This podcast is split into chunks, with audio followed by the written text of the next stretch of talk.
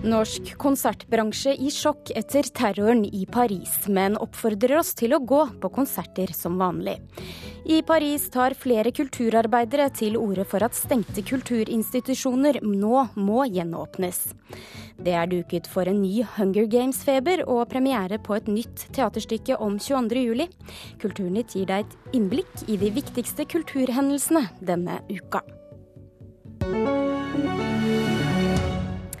Kulturnytt er i dag ved Stine Tråholt. Gå på konsert som vanlig, det oppfordrer konsertarrangøren Rockefeller Music Hall. Konsertbransjen i Oslo var i sjokk i helgen, og stemningen har vært veldig spesiell under konsertene.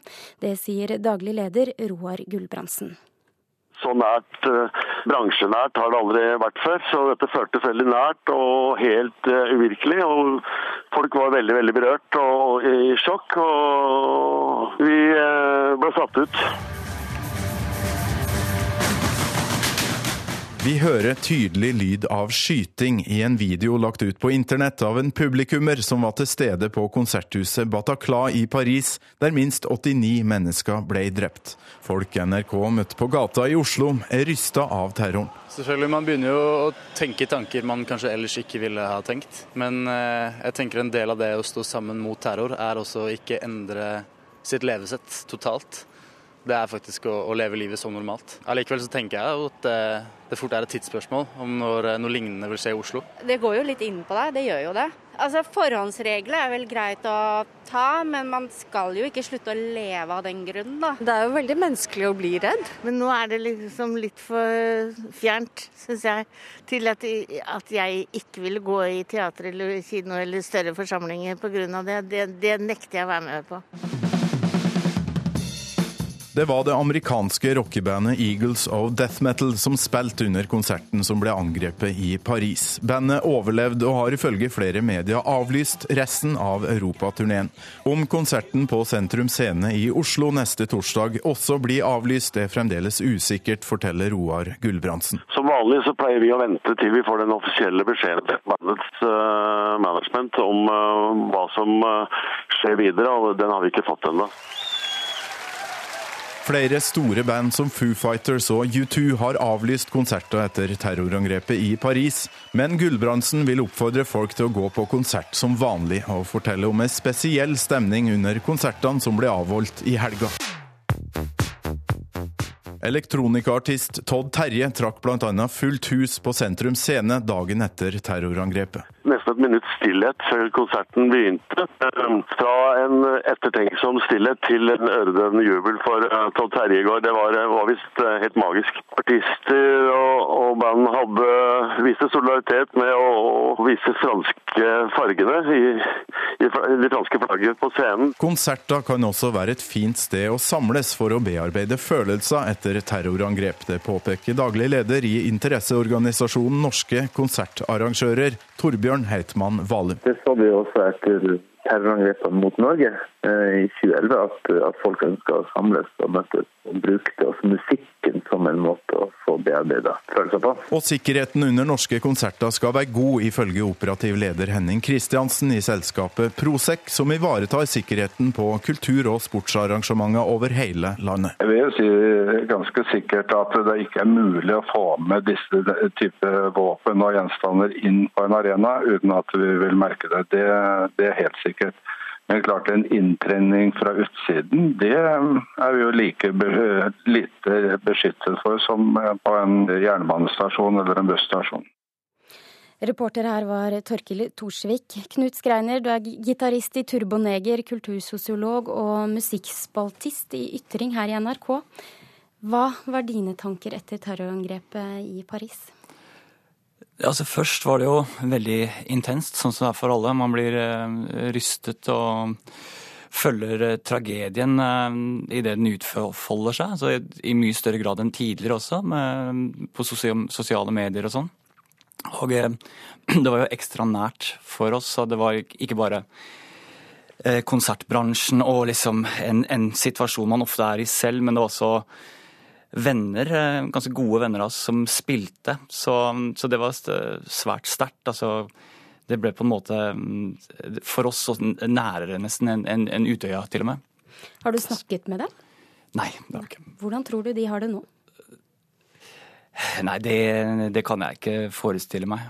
Men um, uh, Nei, og så har man uh, gått videre, og så blir man litt engasjert i det storpolitiske diskusjonen som kommer i etterkant, uh, før man da begynner å fokusere litt på sitt eget felt, da, sånn som vi hørte nå om konsertbransjen mm. og situasjonen der. Ja, hva, hva, tror du var målet for angrepet? Hvorfor skjedde det nettopp på et konsertsted? Jo, så Først så tenkte jo jeg, som alle andre, at dette var liksom et angrep på underholdningsverden. Og, og eh, folk har jo snakket om at man skulle ramme liksom eh, progressive, multikulturelle miljøer i storbyen. Eh, så, men nå har det kommet også opplysninger om at eh, Bataclan har vært et eh, sted som har vært jevnlig truet siden 2007, faktisk.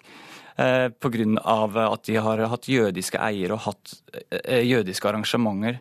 Så sist i 2011 så, så kom det en seriøs trussel mot dette spillestedet. Som ja, at det virker jo iallfall som akkurat den, hvem som sto på scenen den, denne kvelden var ganske tilfeldig. Mm. Og eh, jeg føler vel ikke at ja, altså, Du skal si at terrormålet oppleves som litt mer politisk da, enn når du har stått på scenen med Turboneger, har du tenkt på at sikkerheten i mange tilfeller eh, kunne vært og burde vært bedre?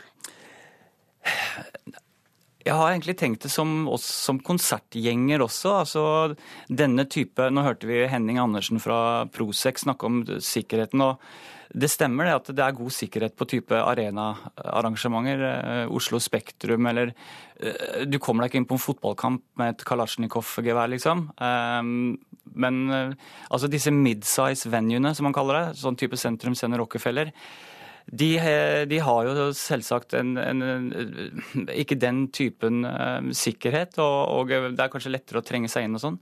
Så jeg har tenkt på det at i de situasjonene så er man jo sårbar for terrorangrep. Eh, festivaler og sånn, altså da er det liksom et større område å komme seg unna på. Mm. Så selv om det er mye nødutganger og sånn, så, så, er man altså man har begrepet at man står som sild i tønne, ikke sant. Så, så det, det, har slått meg tidligere, og dette er nok tanker nesten alle har om dagen, at det, der man er sammen med mange mennesker. Ja. Men, jeg, men, jeg, har aldri tenkt at det, liksom, den sfæren skulle være et terrormål, da. Nei. Men nettopp Sentrup CD skal du og Turboneger spille på til helgen. Ja. ja. Eh. det er klart Hvordan føles det? Nei, jeg tror dette jeg, jeg, altså det, dette, dette oppkommer nok til å ta plass i, i, tankene våre når man er i den situasjonen, enten som artist på scenen eller som publikummer. Jeg, jeg tror man kan snakke om et, et kollektivt traume for hele rockeverdenen, eller konsert, for konsertpublikummet generelt. Um, og det kommer nok til å ligge der ganske lenge. Det kan på en måte på en måte det, det, det, fine ved det er at det forener litt. Det, akkurat som eh, Oslo ble en mer samlet by etter 22.07. Så, så får vi se. da, så Jeg kan jo fortsatt gå gjennom regjeringskvartalet i dag. Øh, eller det hender at jeg går gjennom regjeringskvartalet uten at jeg tenker på 22.07. Sånn at det, med, med, tiden så, så, så som ikke forsvinner, så, så, er det ikke noe man tenker på hele tiden, i hvert fall. Men det er klart, denne helgen så, så, så vil det være spesielt. Takk for at du kom til Kulturnytt, eh, Knut eh, Skreiner. Vi skal videre til Paris. For denne helga og utover i denne uka så kommer det til å være stengt på en rekke store kulturinstitusjoner i byen. Jeg kan nevne eksempler som Pompidou-senteret, Euro Disney Louvre og Eiffeltårnet. Eh, vi har med oss eh, deg, journalist eh, Johan Tolgert fra Paris. Hvordan merkes det i byen? Ja, det märks at att Paris har blivit en helt annorlunda stad under denne helgen efter attentaten i fredag. Eh, väldigt snabbt så stengte biografer, teatrar og konsertsalar Og eh, det er veldig svårt å gå ut og roe seg fortfarande eller gå ut på noe kulturevenemang i metropolen. Och det er vel først på onsdag som man bør öppna museerna, landets museer och eh, några få biografer öppnade visserligen igår kväll Men det er ikke alle enn så lenge, og fortfarande så er de fleste konserter og eh, teatrar stängda. Ja, og nå er det flere som taler for at dette må skje straks, eh, og at man ikke må gi etter for eh, terroristene. Ja, det stemmer det. Og eh, spesielt så er det en musikkprodusent som heter Kristoffer Bloch, som gått ut i media i en kultur, kulturell TV-tidning som heter Teleama. Og han har gått ut der og oppfordret alle landets produsenter å snabbt eh, låta öppna portarna till kulturlivet igen och han kritiserar också Paris eh, kulturråd som eh, uppmanat eh, eh, de olika kulturetablissemangen att stänga. Eh, den här Christoph Block menar att man får absolut inte kapitulera för islamisterna utan det gäller att snabbt komma ut ur denna vidriga krigssituation och låta kulturen leva återigen. Och han börjar få med sig ett visst, visst visst stöd från andra producenter och andra kulturarbetare som håller med om att Paris ska inte få bli en tyst stad utan man ska öppna eh, se til så at livet återgår til sine gamle vaner så snabbt som mulig igjen. Mm. Er det andre kulturpersoner også som har ytret seg? Ja, det er det. Eh, det er flere stycken som har medverket i radio og TV og uh, holder med den her Christophe Bosk og tycker at helt enkelt at kulturen skal sette sin plass på kartene igjen. Og kultur kommer til uttrykk i slike situasjoner. Vi skal eh, høre noe her.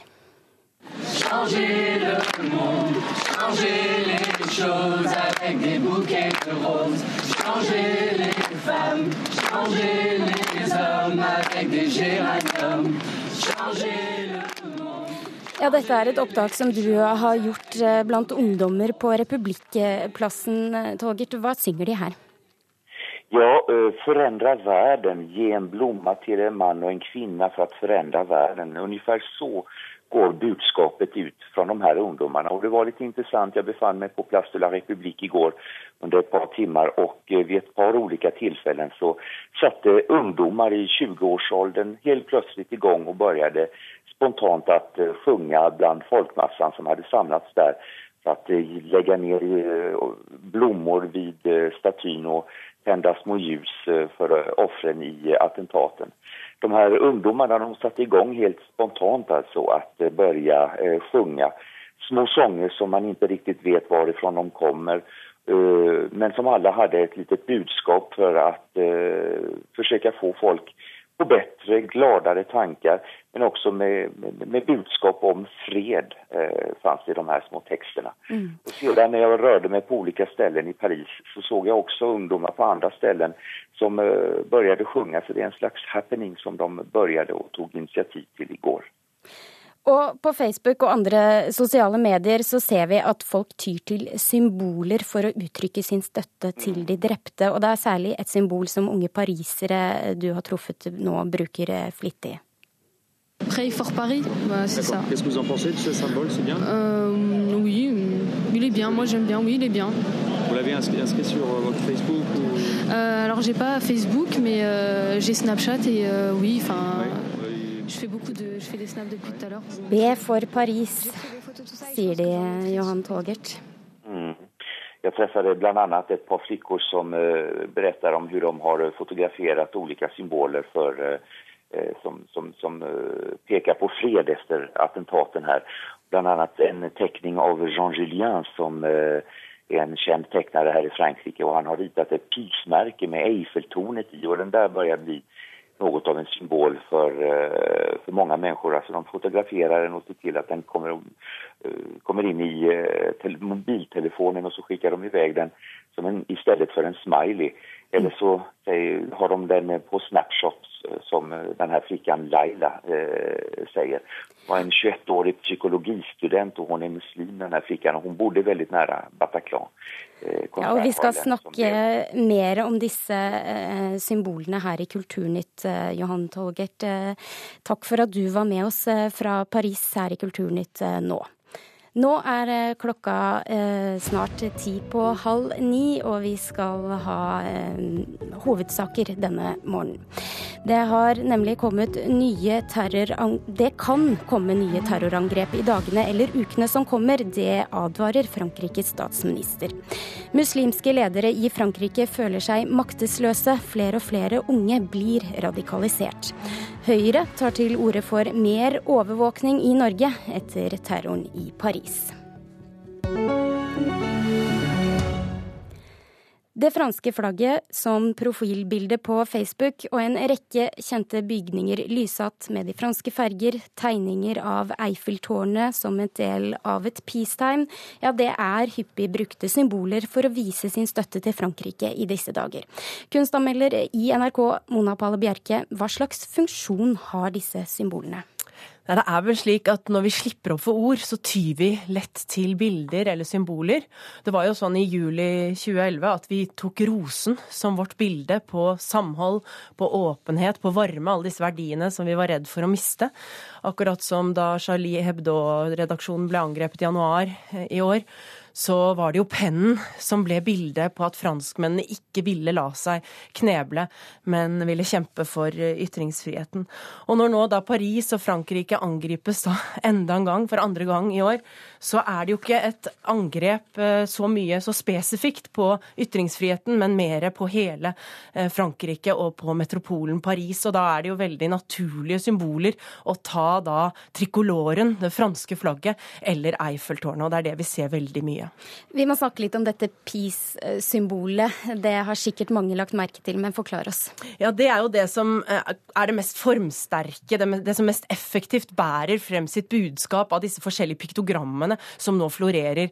Det er jo da man har forvandlet da eh, dette peace-tegnet, som da har en loddrett strek og en omvendt V som går ned fra eh, sentrum i sirkelen, og forvandlet dette til disse strekene til et bilde av Eiffeltårnet. Veldig elegant. Og her viser det veldig tydelig sitt budskap, bærer det frem. Det er fred for Paris. Det er fred eh, over de dødes eh, minne.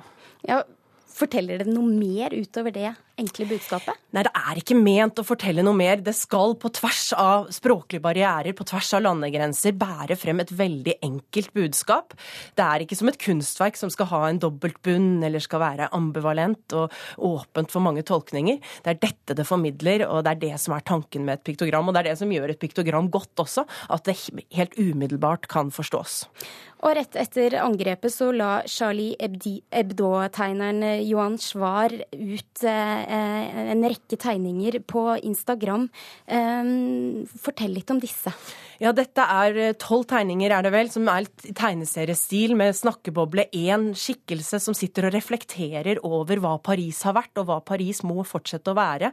Og den, dette angrepet av disse som elsker døden, eh, som han skriver. Det som er sterkt her, er at alle tegneriske finesser er holdt helt tilbake. Det er ikke noe harselerende, det er ikke noe humoristisk i det hele tatt. Det er et dypt alvor over disse tegningene. En sårhet og også en fandenivoldskhet i teksten, som jo egentlig er det mest fremtredende elementet. Og der er jo et av budskapene at eh, alle disse som har liksom kastet seg på denne bølgen av sympati med denne Pray for Paris-kampanjen, eh, sier han det er ikke bønner vi trenger, det er ikke mer religion vi trenger nå.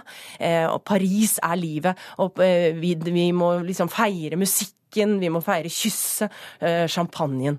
Eh, så det er det som er budskapet. Det er ikke takk for at dere ber, men det er ikke det vi trenger. Og hvor viktig tenker du det er med slike uttrykk etter en slik terrorhandling? Jeg tror det er enormt viktig, for det, det, er den måten vi på en vår hjelpeløse måte da, kan få gitt uttrykk for vår sympati, for vår medfølelse, gjennom disse enkle symbolene. Både symbolene og den type modige motsvar som denne Charlie Hebdo-tegneren kommer med. Så dette kommer først, og senere så kommer de mer komplekse, problematiserende kunstneriske uttrykkene.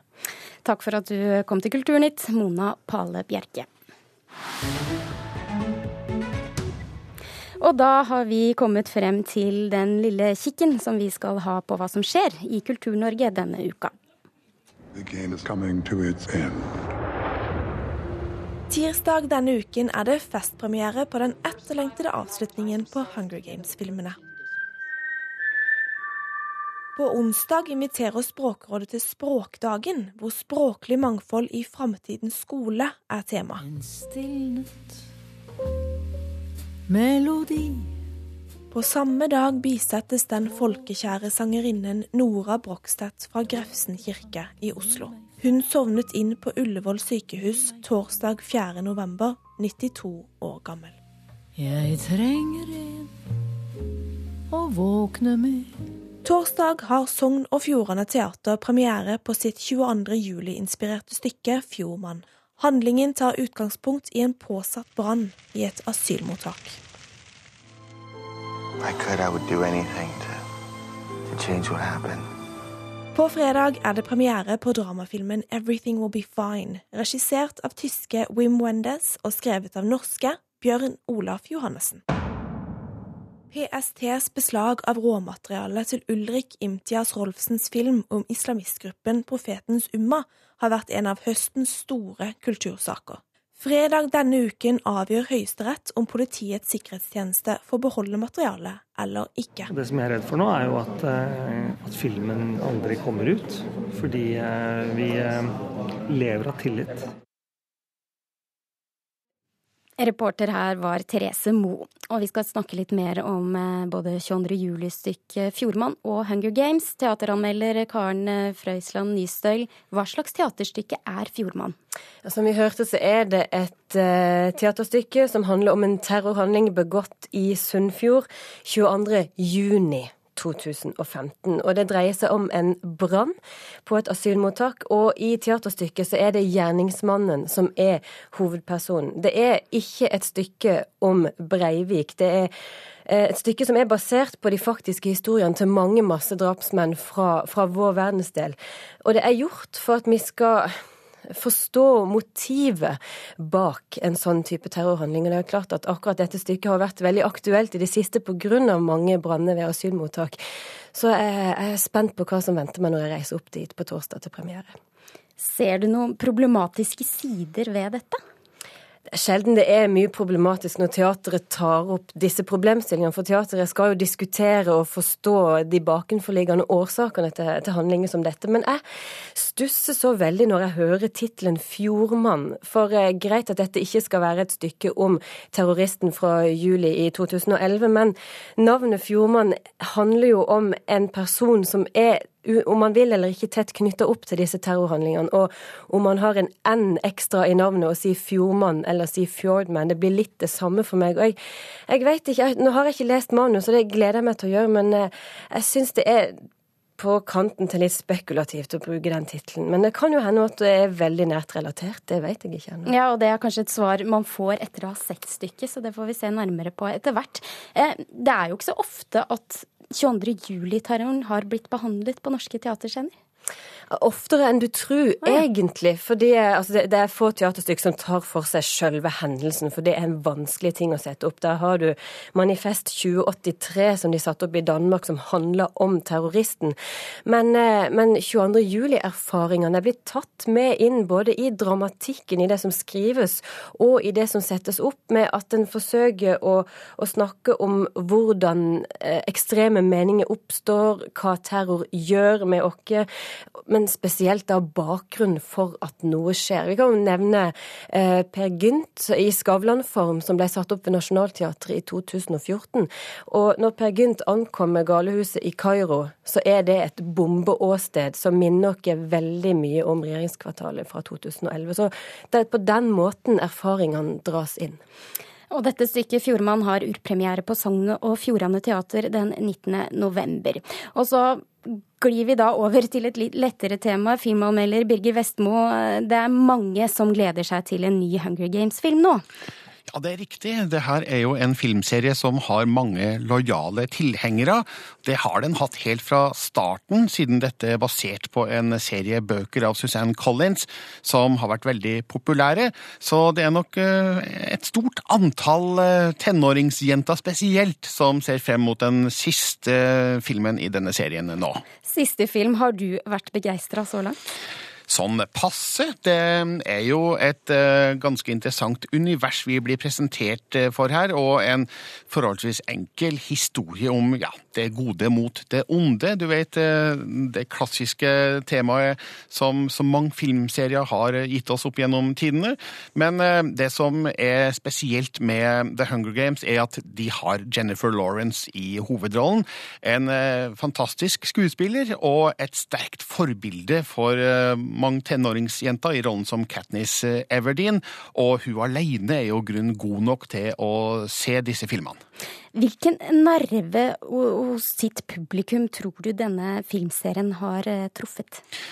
Ja, for jentene så er jo Katniss denne sterke personligheten som eh, tør gå ut av eh, sin, eh, skal vi si, tilvalgte rolle og stå opp mot eh, urettferdighet, kjempe for frihet, og det er jo helt elementære følelser som mange sitter med i disse dager også.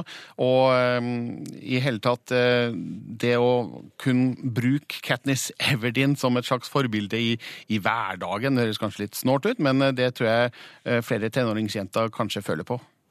Og nå er det snart uh, slutt. Hvilke forventninger har du til akkurat denne siste filmen avslutningsvis her? Jo, de er økende, vil jeg si. De siste par filmene har hatt litt transportetappefølelse, men eh, nå brygger det opp til et endelig oppgjør med regimet i eh, rike Panem, og eh, spesielt da mot president Snow, spilt av Donald Sutherland. Og traileren, som nå er sett av 15 millioner mennesker på YouTube, den lover at dette blir ganske så handlingsmetta. Ok, eh, takk skal du ha, Birger eh, Vestmo, for den eh, oppdateringen der. Og da er Kulturnytt snart over. Ansvarlig for denne sendingen var Thomas Alverstein Ove, og du får kulturnyheter nå gjennom hele dagen her i NRK Radio. Mitt navn er Stine Tråholt.